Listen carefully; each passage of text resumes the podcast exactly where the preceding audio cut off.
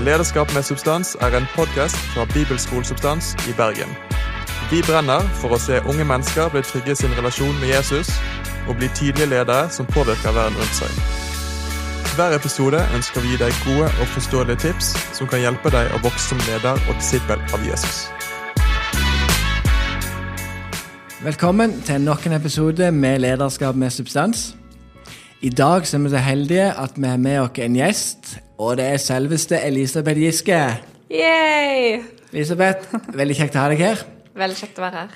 Elisabeth jobber 40% i Salt, og så jobber hun 60% som lærer på Bibelskolen Substans. I tillegg så er hun skribent for uh, Korsets Seier. Det syns vi er veldig gøy. I dagens podkast tar vi en prat med Elisabeth for å lære mest mulig av hun, med tanke på lederskap og disippelskap. Og da snakker vi om disippelskap i forhold til mennesker som er ganske nye i sin tro. Og det er en stor glede å ha deg her, Elisabeth.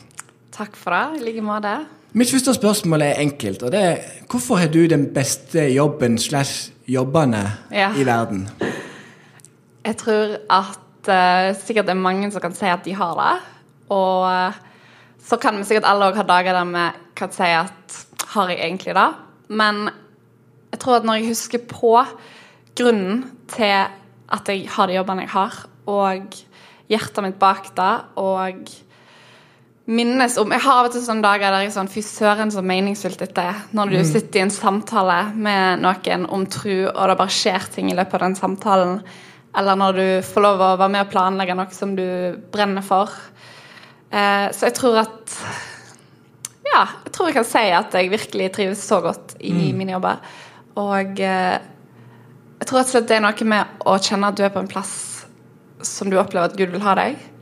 Eh, som du opplever at det er ikke tilfeldig at du har havna her, men at Gud har lagt noe foran deg. Da tror jeg er veldig, veldig meningsfullt og Ja.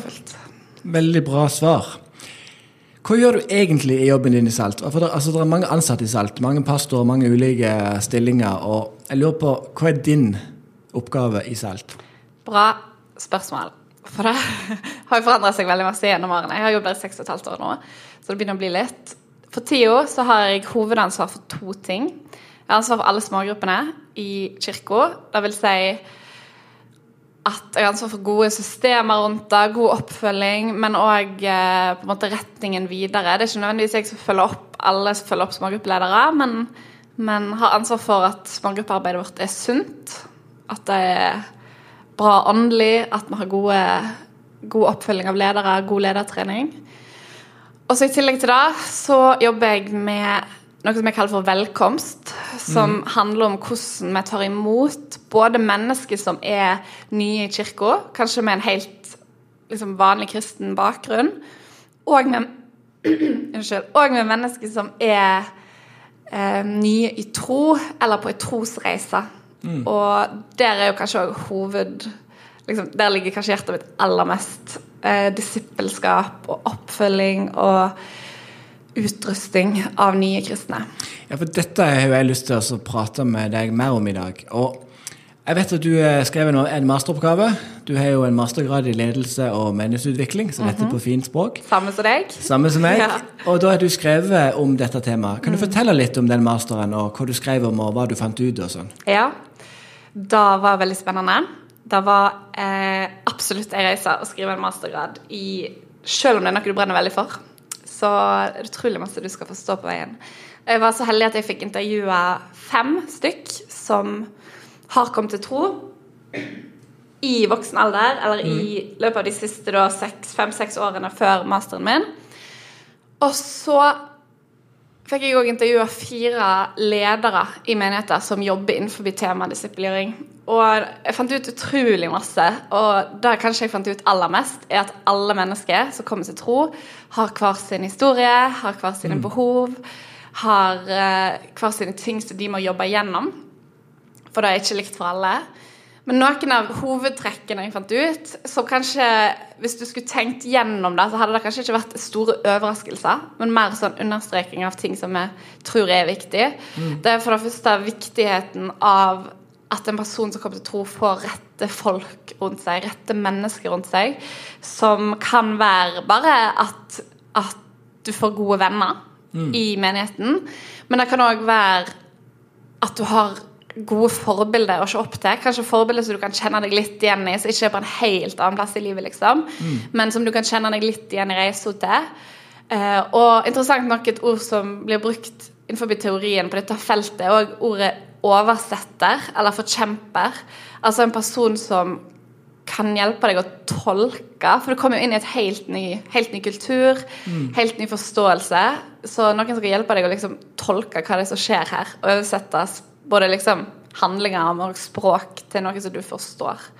Den andre tingen eh, Så det var mennesket, og så at du har en at menigheten har en helhetlig forståelse av disippelgjøring, er kjempeviktig. Altså at du forstår at dette er ikke bare noe som skjer et øyeblikk i livet ditt, og så skal du gå videre, liksom. Men at du forstår at det er en prosess. At du forstår at vi må hjelpe både, både kirka, men òg det nye mennesket til å bli avhengig av Den hellige ånd for livet sitt. Kjempeviktig. Og det tredje er at menigheten er bevisst på um, hva på en måte handlinger eller hva som skjer i menigheten, om det er disippelgjørende eller om det ikke er det. F.eks. Mm. ei smågruppe som jeg jobber masse med, kan være så disippelgjørende hvis alle som er i smågrupper, er bevisst på at dette skal være disippelgjørende. Eller så kan det være en strikkeklubb, for å dra den veldig langt, da. Eller på en måte en, en klubb eller en gjeng som møtes og prater, så er det ikke disippelgjørende i det hele tatt. Så det er utrolig viktig at en er bevisst på dette. Det gjelder ikke bare smågrupper, men tjenesten en har, eller bønnemøtene våre, eller gudstjenesten vår, eller alt annet som vi gjør. Vi må være bevisste på om dette er noe som disippelgjør folk, eller om det bare er noe som er fint å gjøre. Eh, for det er alfa og omega for at mennesker opplever å bli disiplinert. Veldig bra. Min erfaring er jeg har ikke noe forskning på dette, men min erfaring er at veldig mange menigheter er ikke så gode på dette området når det gjelder å ta imot nye. Altså Vi sier at det er det viktigste vi gjør. at Folk skal ta, få en tro på Gud, og så tar de imot Gud, eller tar imot Jesus som frelser. Og så stopper det litt opp mange ganger. Ja. Hvorfor tror du at det er sånn? Fordi det er kjempevanskelig, tror jeg. Jeg tror at Eller ikke nødvendigvis vanskelig, men det er en skikkelig stor investering. Å skulle si Hei, du, eh, du som er ny. Jeg, jeg, vi ønsker å være der for deg. Vi ønsker å heie deg frem. Vi ønsker å disippelgjøre deg. Disippelgjøring skjer ikke på ei uke, det skjer ikke på en måned, det skjer ikke på et år. Eh, disippelgjøring er et livslangt prosjekt.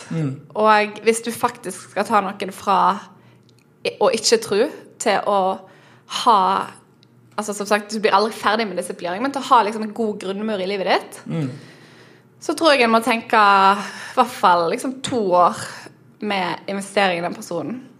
Eh, og da er jeg skikkelig Det er en stor ting å si ja til. Så jeg tror at det ikke står på dårlige hensikter hos noen, men jeg tror at en rett og slett Hvis en tenker sånn stort bilde at liksom dette er noe menigheten vår vil gjøre, så er det lett å si at det er det. Men hvis du går inn i de små detaljene og sier dette mennesket her eh, trenger at noen ser dem, at noen går ved siden av dem i lang tid framover, så er det mye mer krevende å si ja til det. Hvis du faktisk skal plassere det inn i kalenderen din, skal plassere det inn i eh, viktighetslista di, da, hva du prioriterer, så kan det være veldig, veldig eh, mye mer krevende. Så jeg tror ikke det står på dårlige hensikter. Jeg tror bare Nei. at vi må si Men hva tenker du sånn eh, helt konkret?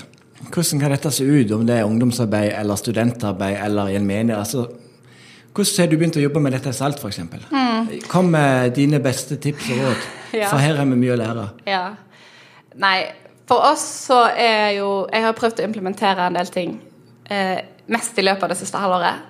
Fordi vi Salt har eh, jobbet med litt andre ting de siste årene.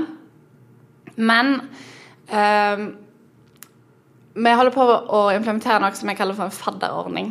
Og det er virkelig helt i startfasen. Men, men tanken er at alle mennesker som kommer til tro, er forskjellige. Og at alle mennesker som skal følge dem opp, er forskjellige. Så vi lager ikke en sånn superplan med liksom her er de ti punktene du skal gjennom. Eh, Men, men det vi har gjort, er at vi har sagt her er noen tema som er viktig at en person lærer noe om. F.eks. frelse. F.eks. dåp. Den hellige ånd. Menighet. Masse tema.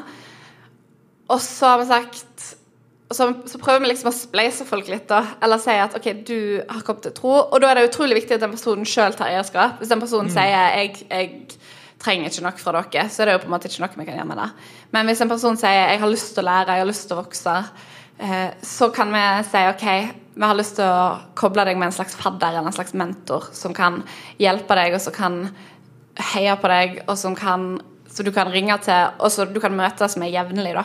Mm. Eh, som jeg har sagt rent praktisk, at hvis du på sikt, hvis du skal gjøre dette i to år, hvis du skal følge en person opp i to år, så er det ikke realistisk å skulle møtes oftere enn en gang i måneden face to face. Mm. Eh, fordi at da blir det urealistisk, og da skjer det ikke. Men men eh, kanskje i begynnelsen da at en møtes litt mer ofte og blir litt bedre kjent. Men rett og slett at en møtes jevnlig. Enten det er at en går en tur på Ulrikken, eller det er at en går sitter på kafé, eller gjør det mens jeg spiller squash, hvis den er supereffektiv. Men at en rett og slett møtes jevnlig og, og snakker sammen om noen av de Hva sier Bibelen om dette, eller hvorfor skal vi lese Bibelen i det hele tatt? Eller, og at det kan være en plass der en kan få stilt de vanskelige spørsmålene, fordi folk er så så forskjellige. Hvis jeg tolker deg, da, så er det egentlig viktigere å treffes litt sjeldnere og heller gjøre det, enn å begynne for hardt, sånn som jeg tror mange gjør. Og så, blir de, så skjer det noe. Absolutt. Det er jo et prinsipp som gjelder alt mm. i livet. Treningssenter, f.eks.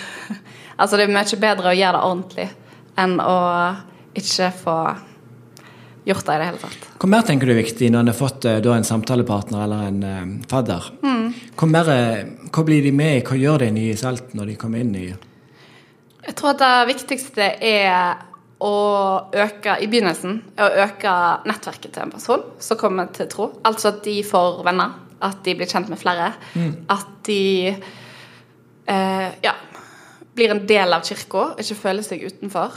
Og da tenker jeg at for oss så er i Salt så er liksom smågruppene kjernen av det vi gjør, i tillegg til gudstjenestene. Mm. Så det er veldig naturlig å bli med i smågrupper. Uh, og så tenker jeg at det er som sagt, det finnes ingen fasitsvar, fordi at folk er så forskjellige. Noen vil tenke at OK, jeg må få uh, Kanskje bra ting å få en tjeneste og få eierskap til kirka og få brukt talentene sine. Noen vil tenke at uh, det er viktig for meg å vokse i åndsliv og gå på bønnemøtene. Og, altså det, det, er veldig veldig masse forskjellig. Men mm. det viktigste er eh, at det skjer noe, ikke hva det er som skjer. Eh, og jeg tenker at eh, ja, det er viktig. Og, og også for oss i Salt og i vår type menigheter så er jo dåp noe som er kjempenaturlig. Eh, når en person har kommet til tro, og da ønsker vi å være flinkere å snakke høyt om. Det er ikke mm. alltid så lett i norsk kontekst å snakke veldig høyt om dåp, men, eh, men det vi har sett i høst, er to stykker som har kommet til tro, som har blitt med i vår eh, fadderordning, og som har latt seg døpe. Og vi ser jo hva det gjør med dem, og vi ser jo hva det gjør med kirka når de får høre sånne historier, og se en person ta det valget, er veldig, veldig fantastisk. Mm. Fantastisk å høre. Altså, Der kunne vi snakket mye om, eh, mm. Elisabeth. så Det er et stort tema, viktig tema. Men jeg tror du har pekt på veldig mange viktige ting. Og du er jo i forskning som begrunner dette, så jeg tenker at eh, du ligger veldig godt an. Sånn til slutt, Elisabeth, så må jeg bare spørre deg om eh, Du jobber jo på Substans som lærer mm. her. Ja. Og hvorfor kan du anbefale et år på Substansen bibelskole?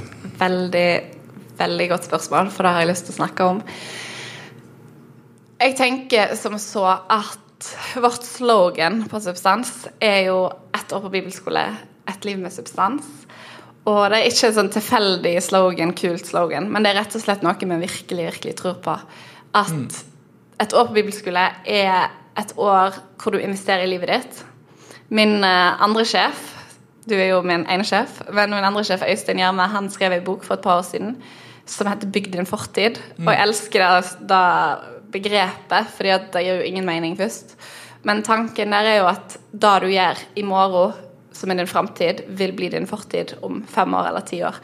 Og mm. jeg tror at når du går på substans, så bygger du virkelig det som blir din fortid om ti år. Det som blir grunnmuren i troslivet. Og jeg vil virkelig anbefale substans. En av de tingene jeg er veldig veldig glad for med substans, det er hvor tett skolen vår er knytta opp til menighetene i byen. Mm. Altså at du ikke bare går på en bibelskole, kanskje bor på et internat, blir litt sånn fantastisk år, god gjeng, men at når du drar derfra, så har du på en måte Så må du begynne helt på nytt igjen en eller annen plass. Men hos oss er det mer sånn at du er kobla på en menighet, du forstår verdien av menighet. Mange man har kanskje ikke veldig verdi av menighet før de begynner her, men får det i løpet av året. Det samme gjaldt meg når jeg gikk på bibelskole for mange mange år siden. Da forsto jeg verdien av menighet. Og det er jo det som er eh, det som kommer til å vare. Det som varer i livet mitt, er jo koblinga til en menighet og forståelsen av at jeg skal være en del av menighet resten av livet. Så derfor vil jeg virkelig virkelig anbefale å gå på substans. Ja. Fantastisk. Tusen takk, Elisabeth. Det var veldig kjekt å ha besøk av deg. Takk for all visdom og kunnskap som du deler med oss. Det setter vi stor pris på. Takk for det. Veldig kjekt å være her. Takk for at eh, du lytter til Lederskap med substans. Alltid en glede å vite at du hører på oss, og at du gir oss en eh, rating. Og så har jeg veldig lyst til at du skal gå inn og skrive noe positivt om podkasten. Om det er på Spotify eller iTunes eller hvor det er henne, for vi trenger flere gode kommentarer der. Så fint om du gjør det. Vi snakkes snart.